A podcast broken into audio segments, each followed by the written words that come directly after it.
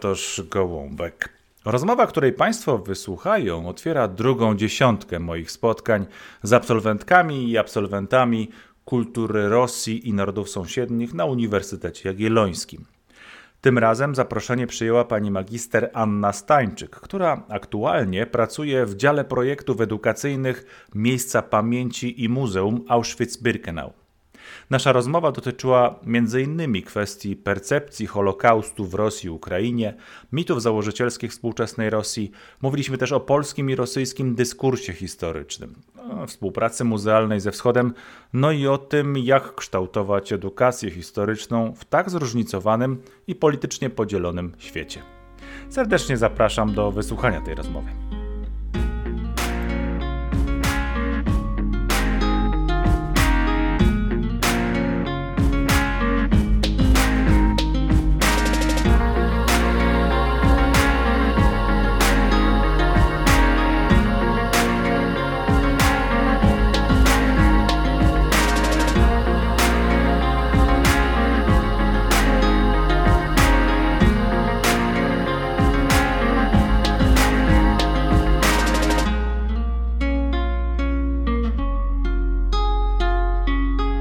Kłaniam się nisko i zapraszam do wysłuchania kolejnej rozmowy mm, o losach po studiach e, na kierunku Kultura Rosji i Narodów Sąsiednich.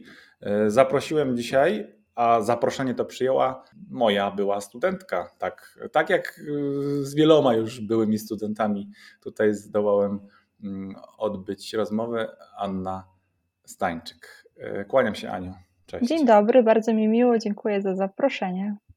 Aniu, przypominasz sobie, jak to było, kiedy mm, chciałaś rozpocząć studia na Uniwersytecie Jagiellońskim? Czy e, kultura Rosji to był Twój wybór pierwszy, czy myślałaś o czymś innym i jakieś przypadki zadecydowały o tym? Myślałam w ogóle zupełnie o czymś innym i to zdecydowanie był przypadek, że ja zaczęłam studiować filologię rosyjską na specjalności kultura Rosji i narodów sąsiednich. Ja chciałam studiować filologię, ale taką wymarzoną filologią to była filologia angielska. I ja bardzo dużo się uczyłam w liceum angielskiego, chodziłam na dodatkowe lekcje i nawet zaraz po maturze miałam też taką możliwość, żeby pojechać do Londynu w ogóle pierwszy raz i taka byłam bardzo zafascynowana E, tym wszystkim, co było właśnie związane głównie z Wielką Brytanią, mniej ze Stanami, ale z Wielką Brytanią. E, natomiast ja już jestem z tych roczników, które zdawały nową maturę i to właśnie wyniki z nowej matury decydowały o tym, czy się dostaniesz na studia, czy się nie dostaniesz na te wymarzone kierunki. Nie było żadnych egzaminów wstępnych. I ja swoją maturę zdałam dobrze, nawet bardzo dobrze, ale nie celująco. I niestety w takim przypadku właśnie jak filologia angielska okazało się to być zdecydowanie niewystarczające i ja na tą filologię się nie dostałam ani w Krakowie na Uniwersytecie Jagiellońskim, ani we Wrocławiu na Uniwersytecie Wrocławskim. E, a że bardzo chciałam wyjechać, ja jestem z Oświęcimia i bardzo marzyłam o tym, żeby pojechać gdzieś na studia do większego miasta. Nie chciałam studiować w Oświęcimiu, chociaż była taka możliwość, bo w Oświęcimiu jest taka mniejsza uczelnia, na której filologię angielską można studiować, ale nie wchodziło to u mnie w ogóle w grę. Więc po prostu przeglądając sobie kierunki studiów na Uniwersytecie Jagiellońskim, tak sobie patrzyłam, co ja mogłabym sobie wybrać do studiowania, co by mnie mogło zainteresować. No i właśnie zobaczyłam tą filologię rosyjską, tą kulturę Rosji i narodów sąsiednich. Ja nie wiem, dlaczego to mnie zainteresowało. Ja wtedy nie znałam absolutnie żadnej litery, nie miałam absolutnie żadnego kontaktu w ogóle z takim światem za naszej wschodniej granicy.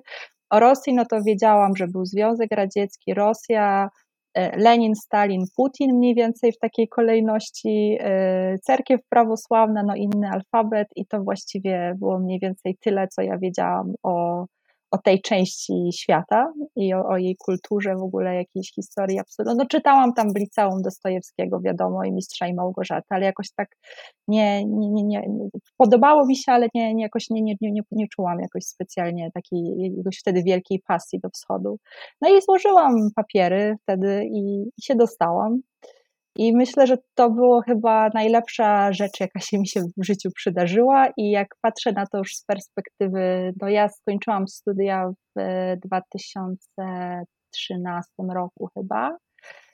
no to, to już jest 7 lat, to myślę, że wybrałabym chyba tak samo i, i te studia mi niezwykle dużo dały i takiego otwarcia się na świat w ogóle i jakiegoś takiego innego patrzenia w ogóle i takiego wewnętrznego rozwoju to przede wszystkim, no i język, który jest najpiękniejszym językiem, jaki znam w ogóle i, i uwielbiam go od samego początku, odkąd spisywałam z tablicy po literce w ogóle nazwy e, podręcznika Nowej Ewstrycie. E, e, powiedz w takim razie, mm, coś musiało Cię pozytywnie zaskoczyć, że zatrzymałaś się e, na tych studiach, które nie były, mm, jak mówisz, być może wymarzone. Wiele osób jednak no, nie trafia, rezygnuje, uczy się troszeczkę, coś jednak blokuje. A tutaj coś Cię pewnie zatrzymało. Czy mogłabyś znaleźć taki, taki element, który mm, zadecydował o tym, że te studia z sukcesem zakończyłaś?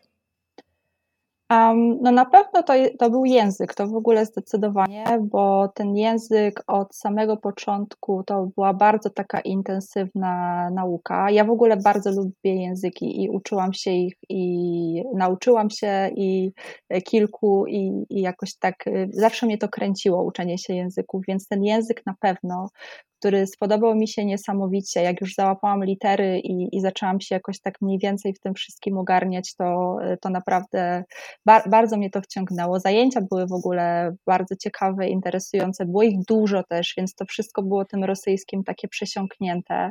E, więc język na pewno.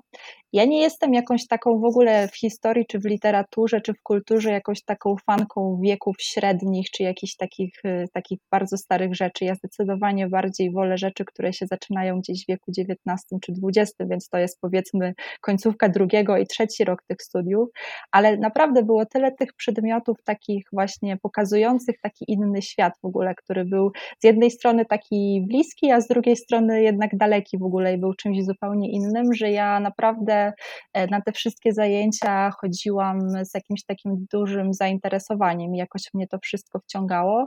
Poza tym też e, no, od pierwszego roku jakoś sformowała się taka nasza grupa no, ludzi, z którymi ja razem studiowałam w ogóle, więc już od pierwszego roku mieliśmy taką naprawdę bardzo fajną paczkę znajomych, którzy się jakoś wszyscy chyba w to wkręciliśmy w ten temat, bo jednak większość e, z tych osób, z którymi ja do tej pory mam kontakt, to skończyły te studia, zakończyły te studia nie tylko na etapie licencjatu, ale i magisterki, więc jakoś w to, w to wszystko weszliśmy, więc, y, więc myślę, że to się jakoś tak wszystko złożyło i, i, i takie rzeczy właśnie, które mnie fascynowały i, i też właśnie ludzie, z którymi ja tam studiowałam, że po prostu jakoś to wszystko się złożyło do kupy y, i sprawiło, że, y, że zostałam. Nie myślałam nigdy w ogóle o tym, żeby z tego zrezygnować. Po trzech latach nie myślałam, żeby nie iść na magisterkę.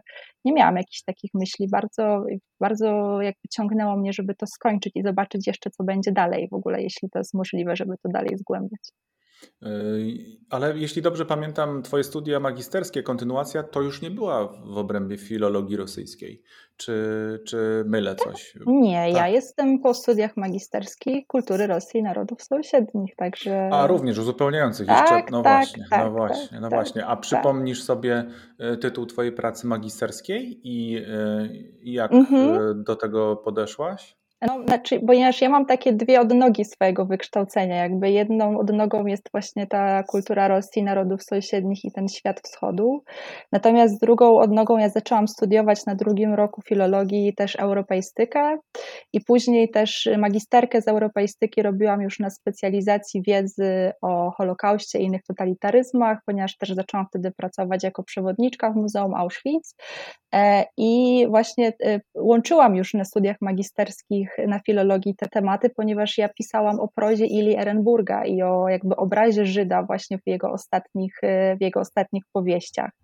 Więc to też był taki temat, pamiętam jak robiłam research do tej pracy, będąc właśnie na stypendium w Moskwie, wtedy w Instytucie Puszkina, jak wielu studentów naszego instytutu właśnie pod koniec swoich studiów i szukałam różnego rodzaju materiałów i nic nie mogłam znaleźć. I tak naprawdę rzeczywiście ta praca, pamiętam, że jeden z tych rozdziałów, bo ja ją też pisałam już po rosyjsku wtedy, no to, y, to tam było mało przypisów, właśnie się bardzo tym stresowałam, że nie ma przypisów, no mówię, no nie mam tam co dać, to jest tylko i wyłącznie moja własna interpretacja, a, a nie coś, co mogłabym gdzieś tam przeczytać, więc trochę się tym, trochę się wtedy już interesowałam e, taką kulturą e, Żydów w Rosji, to, to też jakoś tam gdzieś chciałam to wszystko połączyć, no ponieważ ja byłam na specjalizacji właśnie kulturoznawczej u profesora Kapuścika.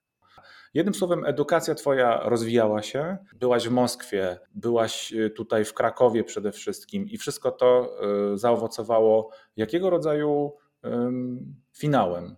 Co y, z tych wszystkich prób i właściwie z, z, pewnego rodzaju z determinacją podjętych wątków przyniosło Twoim zdaniem największe owoce? No, znaczy ja myślę, że jestem jedną z niewielu osób, która e, kończąc swoje studia jedne i drugie, tak naprawdę wykorzystuje umiejętności zdobyte teraz obecnie w swojej pracy właśnie na jednym i na drugim kierunku, e, ponieważ tak jak już powiedziałam, ja już w trakcie studiów zaczęłam pracować jako przewodniczka w Muzeum Auschwitz e, i, i to też jakby moja obecność tutaj i zaowocowała tym, że po jakimś tam czasie, już po zakończeniu studiów, zostałam przyjęta na etat do działu edukacji, do projektów edukacyjnych i pracuję tam od pięciu lat. E, więc y, zajmuję się właśnie z jednej strony tą tematyką związaną z II wojną światową, z obozami koncentracyjnymi, ośrodkami zagłady, z historią, kulturą żydowską, ale też projekty, nad, nad którymi no, ja najbardziej pracuję i za które jestem odpowiedzialna w ramach swojej pracy, to są generalnie projekty rosyjskojęzyczne, dużo tych projektów rosyjskojęzycznych, więc ja trochę sobie tak rozwijam e, współpracę muzeum z, z krajami za naszej wschodniej granicy i trochę takich projektów już na swoim koncie mam. Takich, które się odbyły u nas dla osób stamtąd, ale też y, mieliśmy na przykład seminarium y, na Ukrainie dla polskich nauczycieli i ja tą grupę rekrutowałam i jechałam z nimi na Ukrainę właśnie na seminarium właśnie tej tematyce historii II wojny światowej, Holokaustu, E, I to takie bardzo, bardzo ciekawe to są rzeczy, ponieważ to spojrzenie jest zupełnie inne i bardzo się zmienia i miejsce Auschwitz w ogóle w historii e, pamięci powiedzmy takiej rosyjskiej czy ukraińskiej ma zupełnie inne znaczenie niż e, w Polsce i na zachód od Polski w ogóle, więc jakby to bardzo takie różne ciekawe wątki w trakcie tych projektów udało się nam, udało się nam poruszyć. Powiedz, bo to wydaje mi się być interesujące. Y, czy z obszaru, który powiedzmy sobie otwarcie, nie do końca przepracował sprawy związane mm, z gułagiem, nie do końca przepracował sprawy związane z licznymi deportacjami, y, z rozkłaczaniem, y, z różnego jeszcze, z, z innymi jeszcze równie bolesnymi i wyniszczającymi E, masę narodów i społeczeństw e, kwestiami. Jak e, kształtuje się tego typu współpraca i jaki jest pogląd ludzi ze wschodu wobec Holokaustu, który myślę też, że w każdym z krajów, gdzie jest społeczność żydowska, też jest trochę inny sposób przeżywany, ale pewnie lepiej to mm, wyjaśnisz. Jakiego rodzaju to jest relacja? Jakiego rodzaju zainteresowanie wykazują E, goście ze wschodu lub ci, którzy chcą podjąć taką współpracę. A sama powiedziałeś, że to jest i Ukraina, i pewnie Rosja, może jeszcze jakieś inne ośrodki.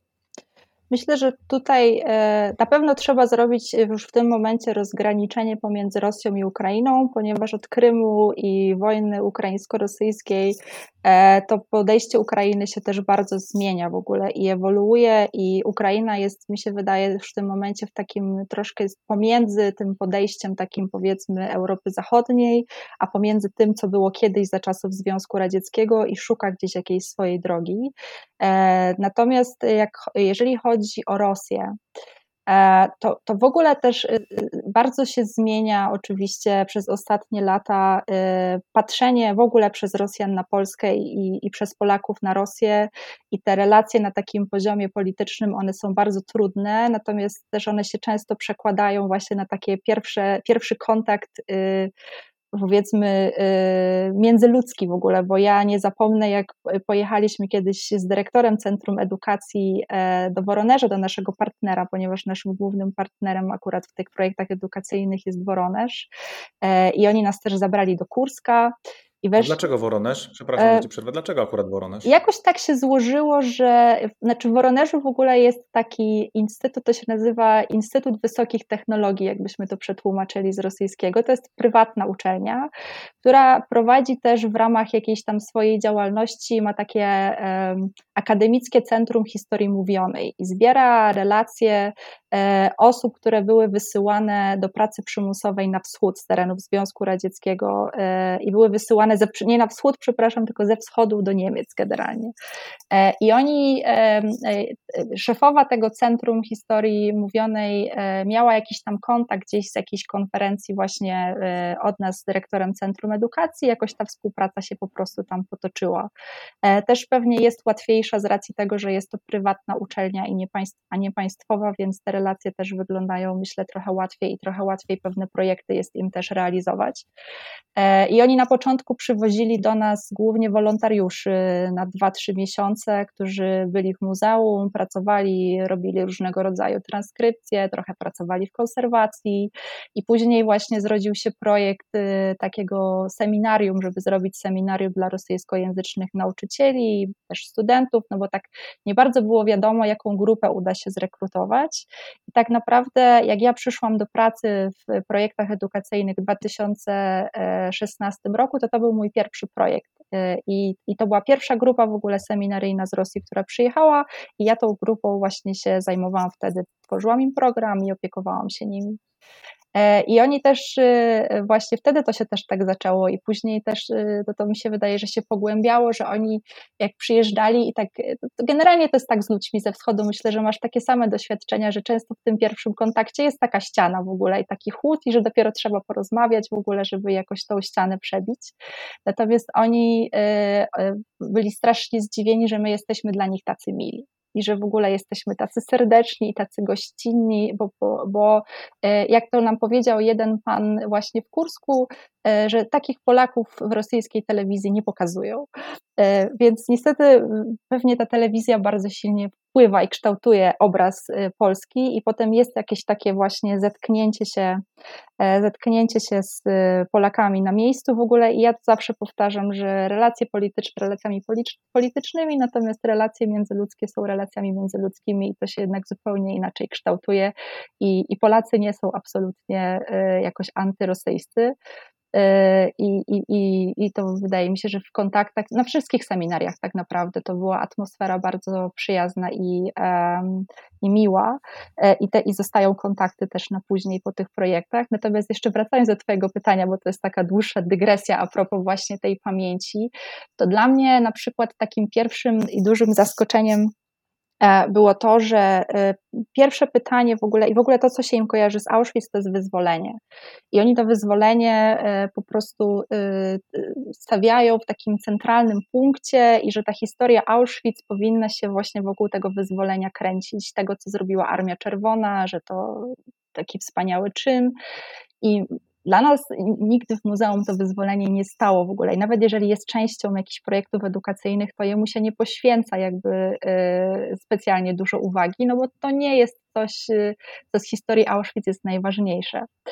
E, tak, I bo to nie jest o Holokauście. To nie jest, to nie jest ani o Holokauście, ani o więźniach, ani o tym, co się dzieje z człowiekiem w ogóle, ani no, wyzwolenie było i zakończyło po prostu pewien etap w ogóle historii i, i, i się wydarzyło. I oczywiście w relacjach więźniów e, często jest wspominane jako coś ważnego i coś, co, e, no, co, przyniosło, co przyniosło im koniec po prostu pewnej epoki, aczkolwiek na pewno nie koniec e, trudnych przeżyć, ale no, w naszej edukacji nigdy to nie stało jakoś takim centralnym miejscu, więc jakby też no, no, też jest tak, że ludzie się naj, najczęściej identyfikują z jakimś miejscem, e, kiedy mogą też swoje ofiary w nim rozpoznać, więc ja na, na początku starałam się trochę im opowiadać, ponieważ w Auschwitz e, no, zginęło gdzieś około 14 tysięcy jeńców radzieckich, więc to jest bardzo jest jedna z liczniejszych grup ofiar Auschwitz i bardzo się starałam im o tych jeńcach trochę opowiedzieć właśnie o tym, jaki był ich los, e,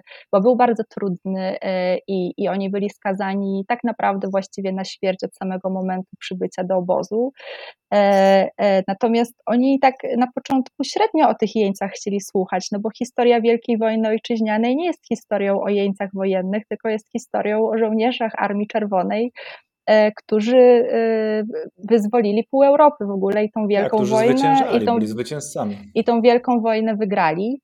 E, o dziwo też e, no nie było jakichś wielkich dyskusji o roku 1939 i o pakcie Ribbentrop-Mołotow, no bo to też się z grupami wschodnimi e, bardzo często tam gdzieś tam no pojawia się ten temat, że my tak opowiadamy tutaj, że te podzielone ziemie i że no jak Związek Radziecki współpracował z III Rzeszą, no to są takie tematy sporne, natomiast no też jeżeli chcemy rzeczywiście wejść to, czym był Auschwitz i jak, jak o tym opowiedzieć, no to powiedzmy, że gdzieś tam ten temat y, jakoś tam jest na razie uspokojony, bym powiedziała, i tutaj nie, wchodzimy w to. Natomiast no to wyzwolenie, zwłaszcza w ostatnich latach, jest takie bardzo, e, jest takie bardzo, e, no powiedziałabym, no w tym centralnym punkcie i wokół tego oni by chcieli jakoś budować swoją edukację o Auschwitz, co no, z naszego punktu widzenia nie jest do końca właściwą, e, właściwą ścieżką.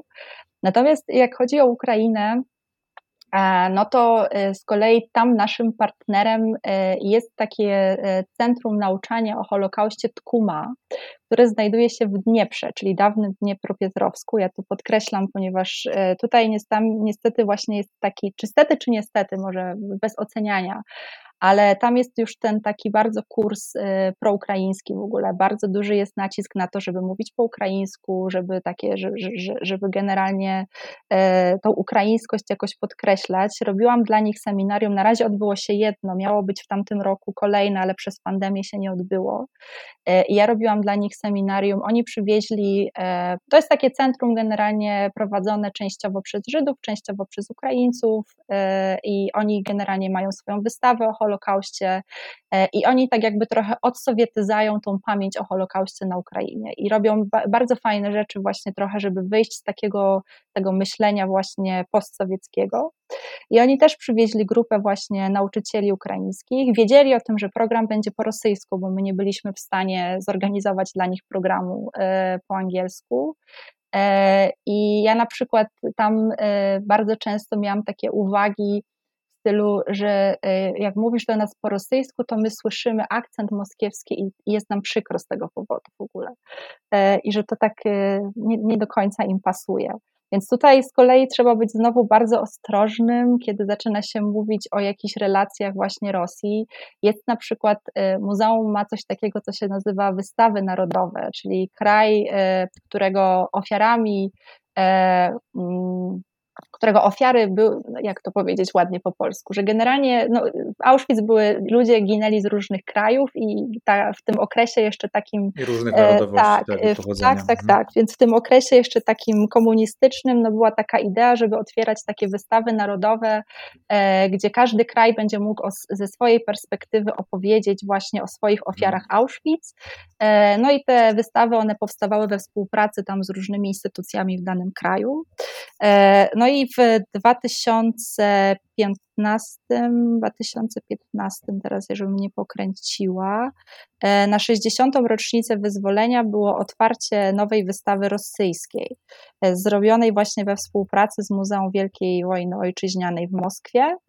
Jeśli się nie mylę, poczekaj, bo na 60. rocznicę wydaje mi się, że sam Władimir Putin Tak, dokładnie, Krakowa. dokładnie. I to wtedy było. To było wtedy. To było mhm. wtedy. E, I było otwarcie tej wystawy. E, no to więc... w piątym roku, jeśli się nie mylę. 2005. to teraz ja może coś przekręcam. Tak, tak, tak. tak. Bo 2015 naturalna kolejna rocznica tak. wychodziła. Tak. 70 y, w takim razie, tak? Nie, no 70 była 5 lat temu. Tak, to na 60 w 2005. Tak, tak, tak. Mhm, dobrze, dobrze, dobrze, dobrze no tak, mówimy. Tak. Dobrze, dobrze. Tylko ja pokręciłam y, lata. Nie, nie, wszystko jest ok. No dobrze. E, to w każdym razie e, było otwarcie tej wystawy i jakby no, problem polega na tym, że Rosja jakby zagarnia tą przeszłość Związku Radzieckiego, z czym Ukraina sobie jakby nie do końca w tym momencie radzi. E, I e, więc na tej wystawie jest cały jakiś tam wątek poświęcony prześladowaniu ludności żydowskiej i nieżydowskiej na terenach okupowanych Związku Radzieckiego. E, I Ukraińcy, wiedząc o tym, że ta wystawa jest zrobiona przez Rosjan, nie chcieli na tą wystawę nawet wejść w ogóle, żeby ją zobaczyć. Więc tutaj te problemy rosyjsko-ukraińskie, one są dość duże, właśnie na takim bardzo dużym poziomie emocjonalności w tym momencie. Mi się zdarzyło też oprowadzać e, ludzi indywidualnych, no bo u nas też indywidualnie można kupić bilet i dołączyć do grupy, która jest oprowadzana w danym języku, że miałam w grupie i Rosjan, i Ukraińców, którzy nad prochami w Birkenau pokłócili się o to, co robił twój dziadek w trakcie wojny w ogóle, po której stronie on był w ogóle, ponieważ jest oczywiście nagonka, że Ukraińcy to współpracowali głównie z Niemcami w ogóle i byli agentami Wehrmachtu. Więc tutaj te takie kwestie pamięci, one są zwłaszcza teraz, one mi się wydaje, że ta emocjonalność właśnie bardzo silnie narasta i trzeba być rzeczywiście bardzo takim, e, no, y, troszkę się wycofać, myślę, z tego i nie próbować im na siłę tłumaczyć pewnych rzeczy, bo to do niczego raczej nie doprowadzi, E, natomiast e, e, jest to bardzo ciekawe w ogóle, jest to bardzo ciekawe, bo to jest trochę coś zupełnie innego niż u, u nas i, i, to można zupełnie inaczej jakoś tam sobie obserwować i interpretować. Ja jestem zawsze bardzo ciekawa ich reakcji, też jeżeli rozmawiamy o wyzwoleniu na przykład z Rosjanami, ponieważ mamy taki film, który jest zrobiony, zdjęcia są zrobione przez kronikarzy radzieckich, operatorów filmowych, którzy towarzyszyli Armii Czerwonej a większość Rosjan nie zna tego filmu, oni go nigdy nie widzieli, co jest też dla mnie bardzo ciekawe w ogóle, tym bardziej, że ten film generalnie można w dużych fragmentach nawet na YouTubie zobaczyć. E, I ja ten film z nimi oglądam zawsze na seminariach, ale zawsze tą dyskusję, znaczy oglądnięcie tego filmu poprzedza dyskusję na temat tego, z czym im się kojarzy wyzwolenie, żeby powiedzieli, jakie mają coś, co im przychodzi do głowy. I naprawdę dominuje zawsze taka odpowiedź, y, że to jest radość, ten wiwatujący tłum, wdzięczność i ci żołnierze po prostu.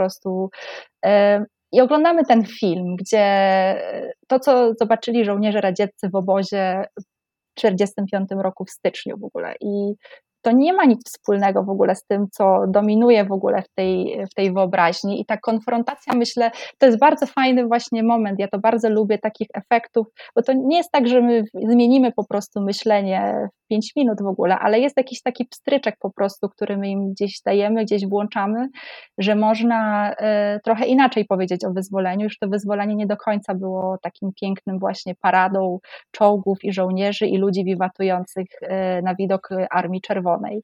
Tak, bo e, to, bo to chyba teraz już przeniosło się w Rosji właściwie tylko na tą wizję e, Żukowa na białym koniu, a później tych wszystkich parad, które na Placu Czerwonym się odbyły, ale wyzwolenie przecież nie odbywało się na Placu Czerwonym. E, słusznie wskazujesz, no to, są, to są otwierane obozy zagłady. Tam nie mogło być radości, tam mogły polać się łzy, ale nawet być może nie łzy mm, rozpaczy, ale też zmęczenia u tych żołnierzy.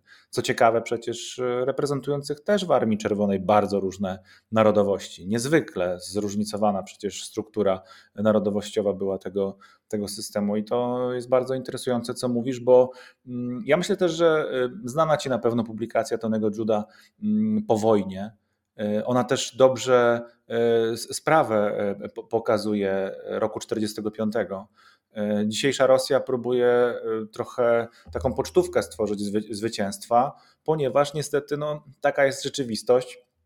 Już blisko od 20 lat, odkąd myślę prezydentem Rosji jest Władimir Putin, e, na sztandar polityki państwowej została wciągnięta chorągiew Dnia Zwycięstwa i no, siłą rzeczy jest w jakimś sensie albo niedopowiedziana, albo zmanipulowana, albo niewyjaśniona. E, więc jaka jest rola? Bo ja rozumiem, że mm, Auschwitz-Birkenau, miejsce pamięci, miejsce, miejsce e, edukacji też, no stoi na straży pewnego rodzaju porządku intelektualnego w tej, tej, w tej dziedzinie. No ale sama zwracasz uwagę, że Nie, jest to niezwykle trudne zagadnienie. Wchodzisz na ścieżkę taką, powiedzmy sobie, konfrontacji czasami, czy stajesz na ścieżce konfrontacji mm, ludzi, którzy być może nie powinni nawet myśleć w ten sposób, w tych kategoriach o sobie. Więc czy jest jakiś plan na to, jak, jak należałoby to rozstrzygać, czy to się dzieje właśnie teraz, że jesteśmy w takim punkcie historycznym, że także tacy ludzie jak ty, dział edukacji, myślą, jak to roz, rozwiązywać? Znaczy, y, wiesz, tutaj e, trzeba też wziąć pod uwagę to, że to nie będzie żadna wielka skala makro w ogóle, że to się wszystko dzieje w skali bardzo mikro i jak do mnie przyjedzie w przeciągu roku 20 czy 25 rosyjskich nauczycieli na seminarium, no to to nie jest żadna jakaś y, wielka grupa, która też będzie mogła jakoś bardzo dużo zmienić w skali powiedzmy Rosji. Natomiast y, dla mnie, ja jestem w ogóle pracując w edukacji i z takim właśnie trudnym tematem, to ja lubię takie rzeczy, które się dzieją później oddolnie, więc mnie bardzo cieszy, że na przykład pani, która była z Nowosybirska i brała udział w naszym seminarium, potem zorganizowała obchody na 27 stycznia, na Dzień Pamięci o Ofiarach Holokaustu e, i wykorzystała rzeczy, o których się dowiedziała na seminarium w ogóle. I ona mi potem przysyła skan z jakiejś lokalnej gazety, w którym ona to wszystko opisała. I to jest dla mnie, to jest miód na moje serce, bo to znaczy, że nasza praca gdzieś komuś tam coś stryknęło w ogóle i, i, i to zaskoczyło. No my, y, tak jak mówię, my, nie da się stworzyć uniwersalnej lekcji o Auschwitz w ogóle, która będzie docierała w ten sam sposób w ogóle do każdego odbiorcy na każdym świecie, bo na całym świecie, bo każdy ma swoją jakąś indywidualną historię, historię swojego kraju, swojej grupy, przekazywaną w taki, a nie inny sposób przez ileś tam lat. Więc my y, no, bardzo, bardzo, bardzo nastawiamy się na tą pracę w małej grupie właśnie dyskusji takiej, żeby gdzieś y, coś, od, żeby potem tych ludzi zmotywować do jakichś oddolnych działań. No my nie jesteśmy w stanie właśnie tego zmienić z poziomu jakiegoś centralnej instytucji, która narzuci, jak to powinno być. My możemy ludziom pokazać w ogóle, jak my to widzimy. Jeżeli oni będą chcieli coś z tym zrobić, to, to super po prostu i będziemy to zawsze wspierać w ogóle i to będzie, to będzie, to jest sedno naszej pracy. E, natomiast y, to są takie rzeczy bardzo trudno mierzalne i to jest na pewno proces, który się teraz dzieje i że, że on się już pewnie parę lat temu zaczął, natomiast y, no, na pewno się teraz dzieje i też przez pandemię jest on trudniejszy, no bo tych grup nie ma i nie przyjeżdżają te seminaria online. No my dopiero na ten rok planujemy zrobić jakieś seminaria online właśnie rosyjskojęzyczne czy ukraińsko-rosyjskojęzyczne y, i właśnie dla, dla Rosjan i dla Ukraińców. E, natomiast to nie jest to samo w ogóle, to zupełnie nie jest to samo i tego, ten brak kontaktu też, no bo, no, bo to są trudne rozmowy, to trudno się o takich rzeczach rozmawia na Zoomie, czy na Teamsach, czy na jakimś jeszcze innym komunikatorze, to dobrze jest usiąść po prostu i, i jakoś na spokojnie sobie o tym porozmawiać, więc e, no te e, miejmy nadzieję, że to się jakoś uspokoi wszystko i że, że będzie możliwość, żeby tych, żeby tych wymian też przede wszystkim, żeby też polskim nauczycielom, polskim edukatorom pokazywać to, co się dzieje na wschodzie w ogóle i żeby jakoś też tą dyskusję trochę rozszerzyć i dawać im narzędzia do tej dyskusji, no to musimy się trochę otworzyć i miejmy nadzieję, że tak będzie, ale myślę, że to będzie właśnie w tą stronę kontynuowane. Z Twojego kilkuletniego doświadczenia E, w pracy, także w projektach, jak mówisz, oraz pracy przewodnika w jakimś sensie na, dla ludzi ze wschodu, wynika jaki obraz? Przyjeżdżają coraz to e, nowi ludzie i z Rosji, z Ukrainy. Rzutuje na nich oczywiście sytuacja bieżąca, o czym mówisz, e, ale czy mogłabyś zakreślić jakiś taki, oczywiście uproszczony obraz? Osoby, która trafia mm, do takiego ośrodka edukacyjnego. Ja bym chciał tak myśleć cały czas o, o instytucji, w której e, pracujesz. Bardzo nie pasuje mi e, słowo muzeum do, e, do Birkenau. I, I w związku z tym, no właśnie, jak, jak ty na tych ludzi patrzysz, kim oni są? Mm, bo oczywiście, że są inni, jak wyjdą, jak wyjadą, choćby po tych po tych wstrząsających obrazach, kiedy one dotrą do, do nich, e, do ich świadomości. Ale kim są, jak przyjeżdżają? Jak byś ich opisała? Czy myślę, że tutaj musimy sobie zrobić jakieś rozgraniczenie pomiędzy osobami, które przyjeżdżają tylko na zwiedzanie i nie są uczestnikiem jakiegoś większego projektu edukacyjnego, i osobami, które są zapraszane na różnego rodzaju seminaria, które my tam sobie gdzieś organizujemy, właśnie przy współpracy z jakimiś naszymi różnymi partnerami, e, czy to w Rosji, czy na Ukrainie. E, więc e, no, obecnie osoby rosyjskojęzyczne, które przyjeżdżają jako turyści głównie do, do Muzeum Auschwitz, to są głównie Ukraińcy, którzy w Polsce mieszkają, ponieważ ostatni rok bardzo, że tak powiem, no, no uniemożliwił przemieszczanie się, więc tak naprawdę e, do muzeum przyjeżdżają głównie osoby z krajów ościennych albo te, które po prostu w Polsce mieszkają, gdzie ta granica powiedzmy jeszcze w ramach Unii Europejskiej nie jest zamknięta.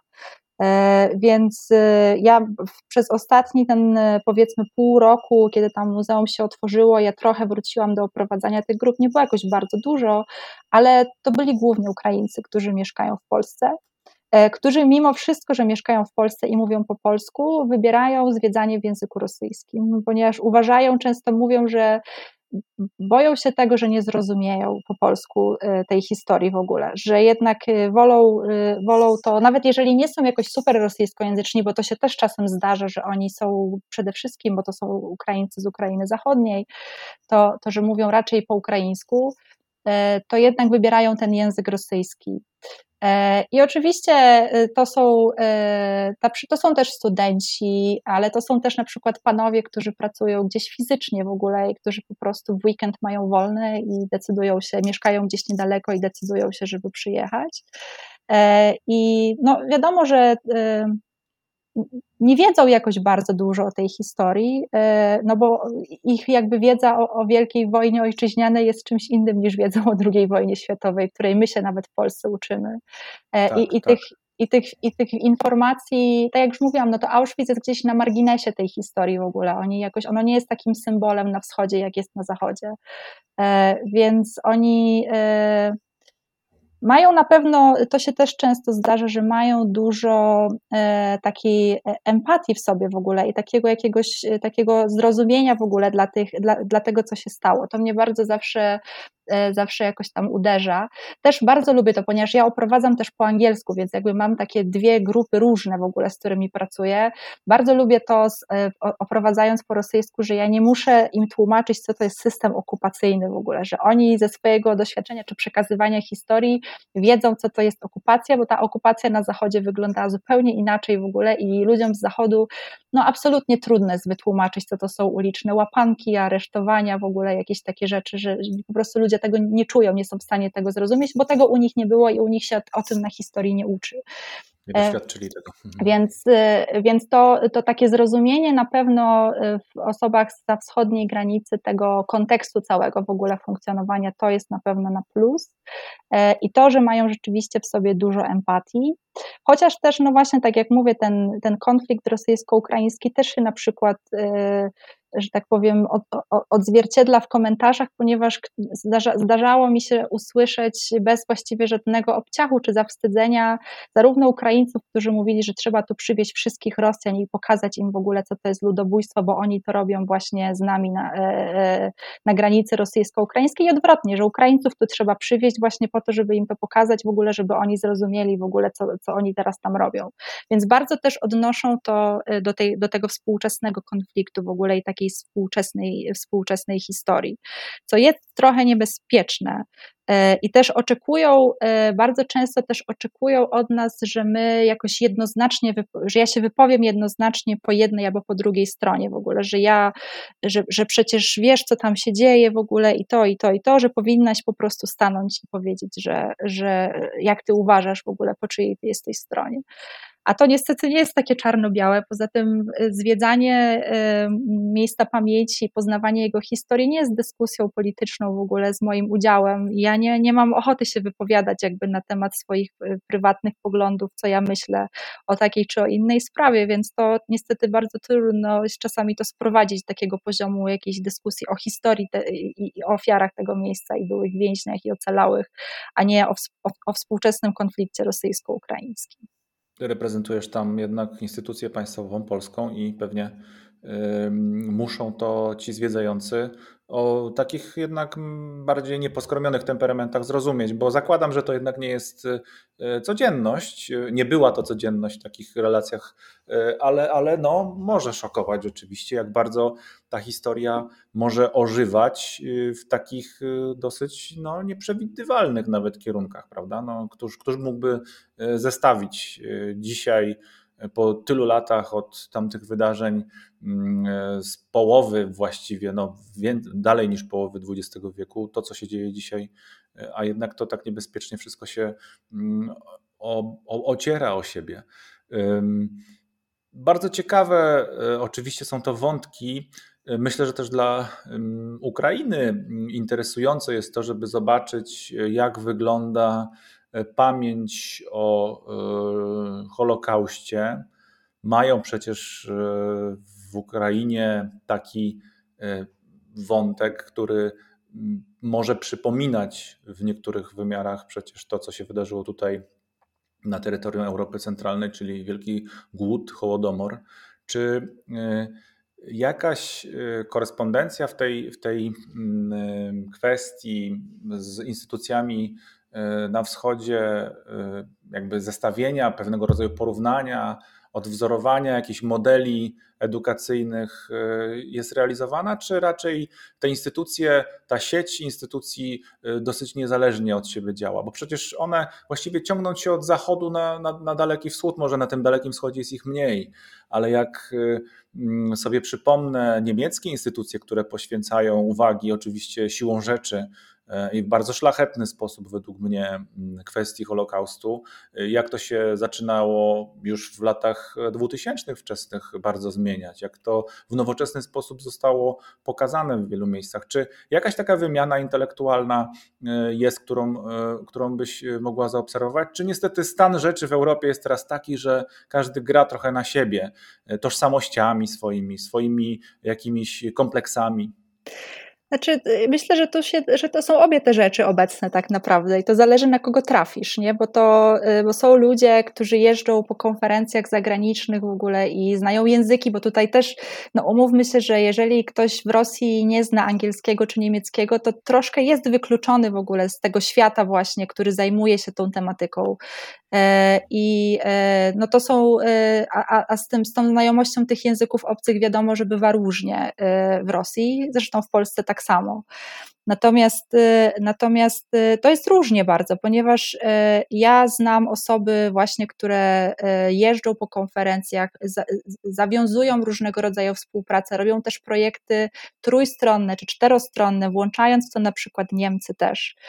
I bardzo się angażują w to i szukają właśnie wzorców, jak o tej historii mówić, jak też jednocześnie instytucje, które słuchają tego, co my mówimy, ale i tak uważają, że to nie przystaje po prostu do ich rzeczywistości rzeczywistości, że oni mają swój pomysł na to, jak to wszystko powinno, jak to wszystko powinno wyglądać.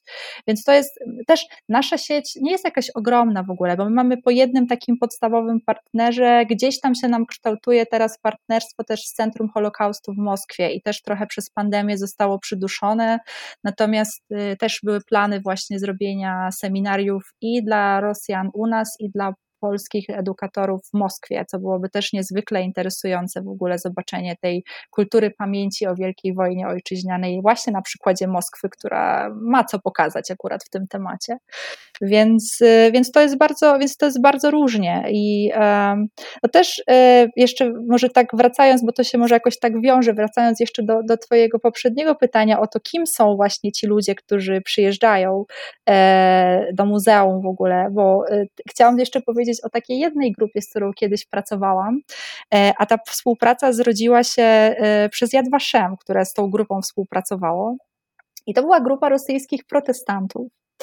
E, co też jest może jakoś mało oczywiste, bo Kościół protestancki raczej w Rosji nie ma bardzo dużych, dużo wiernych.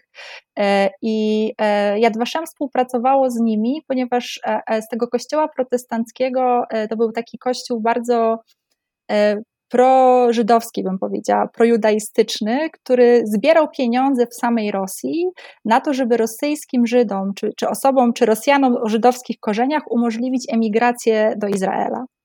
I Yad Vashem z nimi współpracowało, zapraszało ich na seminaria do siebie i chcieli jakby na taki kolejny etap ich edukacji właśnie tych ludzi z tego kościoła, żeby ich wysłać do Auschwitz. I ja znowu dostałam ten projekt do koordynacji i y, no weszłam sobie na, na, na stronę, to, ta ich organizacja nazywała się Eben Ezer E, żeby zobaczyć po prostu, co to są za ludzie, jakie oni mają poglądy w ogóle, jak, czym się interesują, jak to wszystko działa w ogóle i co robią w tym temacie. Więc moim e, takim wielkim zdziwieniem było to, że tam na przykład na stronie internetowej były informacje, e, że w tym i w tym dniu wyleciał o tej o tej godzinie samolot z Moskwy do Tel Awiwu i na pokładzie tego samolotu było tyle i tyle Żydów, którzy wrócili do ziemi praojców. I szczerze powiedziawszy, to miałam taką bardzo y, konsternację, y, szczerze powiedziawszy, no bo ja rozumiem pomoc, ale to tak, tak to wygląda, jakby ich tak wysyłać na siłę w ogóle z, z, tej Rosji, w ogóle niech emigrują, jak są Żydami, to niech żyją w Izraelu, tak jakby nie, nie, nie można im było dać prawa do tego, że mogą być Żydami i mieszkać w Rosji, e, co wydawało mi się jakieś naturalne, że każdy może zdecydować o tym, zwłaszcza przy takiej skomplikowanej historii braku państwa przez tyle lat, że jednak może zdecydować, w którym kraju chce żyć, a oni to robią naprawdę z takich pobudek y, żadnych antysemickich, tylko po prostu chcą pomóc w ogóle i bardzo się, i bardzo się w to angażują. Mają dość sporą wiedzę na temat kultury y, żydowskiej, religii w ogóle i tacy są bardzo uduchowieni i oni łącznie z tym, że chcieli robić jakieś medytacje właśnie w Brzezińce y, i takie, i bardzo z tą historią byli związani, więc też to taka była grupa bardzo nieoczywista w ogóle, z którą ja tak też nie do końca y, chyba znalazłam wspólny język, bo, bo, bo jakoś tak nie do końca umiałam zrozumieć właśnie te, te motywacje i, i, e, i takie działanie. Więc no, ta Rosja też chyba pod tym względem właśnie jest taka bardzo, bardzo ciekawa, że nie wiadomo, kogo tam się spotka w ogóle, że to jest tak różnorodne w ogóle i takie przedziwne e, i takie niepasujące do naszych wyobrażeń, że, że to fascynuje właśnie i e, no, no była taka grupa właśnie też. Bardzo ciekawe. Aniu, wracając już na podsumowanie do kwestii wykształcenia po Twoich doświadczeniach już y, związanych z pracą, y, z językiem rosyjskim, z ludźmi ze wschodu, przed momentem ta historia nie bywała mm, ze swoistym biurem turystycznym, które zorganizowano dla e, rosyjskich Żydów. E, I to w taki specyficzny sposób. Oczywiście tak troszeczkę żartobliwie o tym mówiąc, bo sprawa na pewno jest niezwykle poważna. Jak ty uważasz, na co dzisiaj ludzie młodzi, którzy wchodzą do branży, tak ją nazwijmy, wschodoznawczej, kulturoznawczej e, o tym ukłonie e, wschodnim, rosyjskim, ukraińskim, białoruskim, na co powinni zwrócić szczególną uwagę podczas e, kształtowania swoich kompetencji. No, mówiąc tak troszeczkę inaczej, z kim ty byś chciała współpracować za 5-6 lat jako ekspert w tej sprawie? Jakiego rodzaju kompetencji byś od nich oczekiwała? Na co oni dzisiaj mają swoją uwagę edukacyjną zwrócić?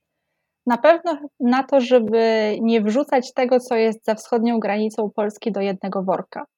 Bo to niestety, y, oczywiście, że przez to, że to był kiedyś Związek Radziecki, to są pewne schematy, y, które się powtarzają tam i one są obserwowalne.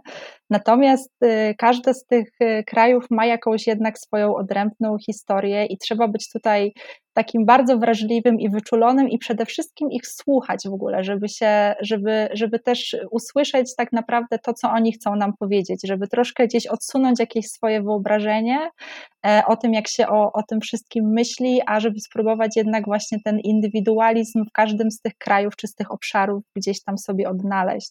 Więc ja bym sobie chyba tego e, najbardziej życzyła właśnie, żeby, żeby spróbować wyjść z takiego stereotyp, stereotypowego myślenia o wschodzie i właśnie myślenia, że to wszystko jest jedno i to samo, bo to był Związek Radziecki, tylko żeby szukać właśnie jakichś takich e, indywidualnych ścieżek do każdej z tych grup, e, bo tak naprawdę e, to z jednej strony właśnie mamy dużo wspólnego, a z drugiej strony tak dużo nas dzieli, nie? że czasem trudno jest znaleźć jakiś właśnie wspólny język w różnych kwestiach. No, Ja y, jestem jakimś zwolennikiem małych kroczków chyba i właśnie takiego małego źródełka, które gdzieś tam sobie drąży i na tych mikropoziomach gdzieś tam sobie, gdzieś tam sobie szuka swojego ujścia. E, więc chyba to to tak naprawdę, bo z całą resztą sobie poradzimy. Tak, no myślę, że tak. No, y, wiadomo, że no fajnie jest już w obecnych czasach, jak się mówi na przykład po ukraińsku, się jedzie na Ukrainę i się mówi po ukraińsku, bo oni to bardzo doceniają. No ale ten rosyjski jest wszechobecny ciągle, wszędzie. No, mi też te studia dały taką pasję podróżniczą i ja już trochę tych dawnych republik y, Związku Radzieckiego zjeździłam razem właśnie z Kasią Struzińską. Y, od 2012 roku kilka takich podróży z plecakiem odbyłyśmy właśnie po wschodzie. A to się też zaczęło tak naprawdę od tego, kiedy ty nas zabrałeś pierwszy raz do Moskwy, mnie i Dorotę Szczudło, obecnie Chodkowską na trzecim roku i pojechaliśmy razem ze studentami z Krosna pociągiem pociągiem 30 ileś godzin y, do Moskwy w ogóle, co było jakąś niesamowitą przygodą. Jak ja o tym myślę, to to w ogóle też był jakiś chyba taki przełomowy moment. Więc ten wschód y, jest, znaczy jak nie ma pandemii, to jest naprawdę dostępny, jest niezwykle ciekawy i rosyjski bardzo na tym wschodzie pomaga, aczkolwiek zawsze trzeba mieć z tyłu w głowy to, że, że, że trzeba wyjść z tego stereotypu jednak i, i spróbować tam dostrzec coś innego niż tylko takie właśnie podstawowe nasze fakty y, na temat wschodu. Bardzo Ci dziękuję za wskazówki, za bardzo interesującą rozmowę no i poświęcony czas. Dziękuję ja również uprzejmie. dziękuję, bardzo miło było się spotkać. W 23 minucie tego nagrania moja rozmówczyni zawahała się odnośnie daty wydarzenia muzealnego, o którym wspomniała. Aby rozwiać tę wątpliwość, po sprawdzeniu ustaliła z całą pewnością, że chodziło jej o wystawę Tragedia Męstwo Wyzwolenie, która została otwarta 27 stycznia 2013 roku w 68. rocznicę wyzwolenia byłego niemieckiego nazistowskiego obozu koncentracyjnego i zagłady Auschwitz. Wystawa została przygotowana przez Ministerstwo Kultury Federacji Rosyjskiej i Centralne Muzeum Wielkiej Wojny Ojczyźnianej. Rozmawiałem dziś z Anną Stańczyk, która jest absolwentką kultury Rosji i narodów sąsiednich oraz europeistyki ze specjalnością wiedza o Holokauście i totalitaryzmach na Uniwersytecie Jagiellońskim. Anna pracuje obecnie w Państwowym Muzeum Auschwitz-Birkenau w dziale edukacji, gdzie m.in. odpowiada za przygotowanie i koordynację programów w języku rosyjskim.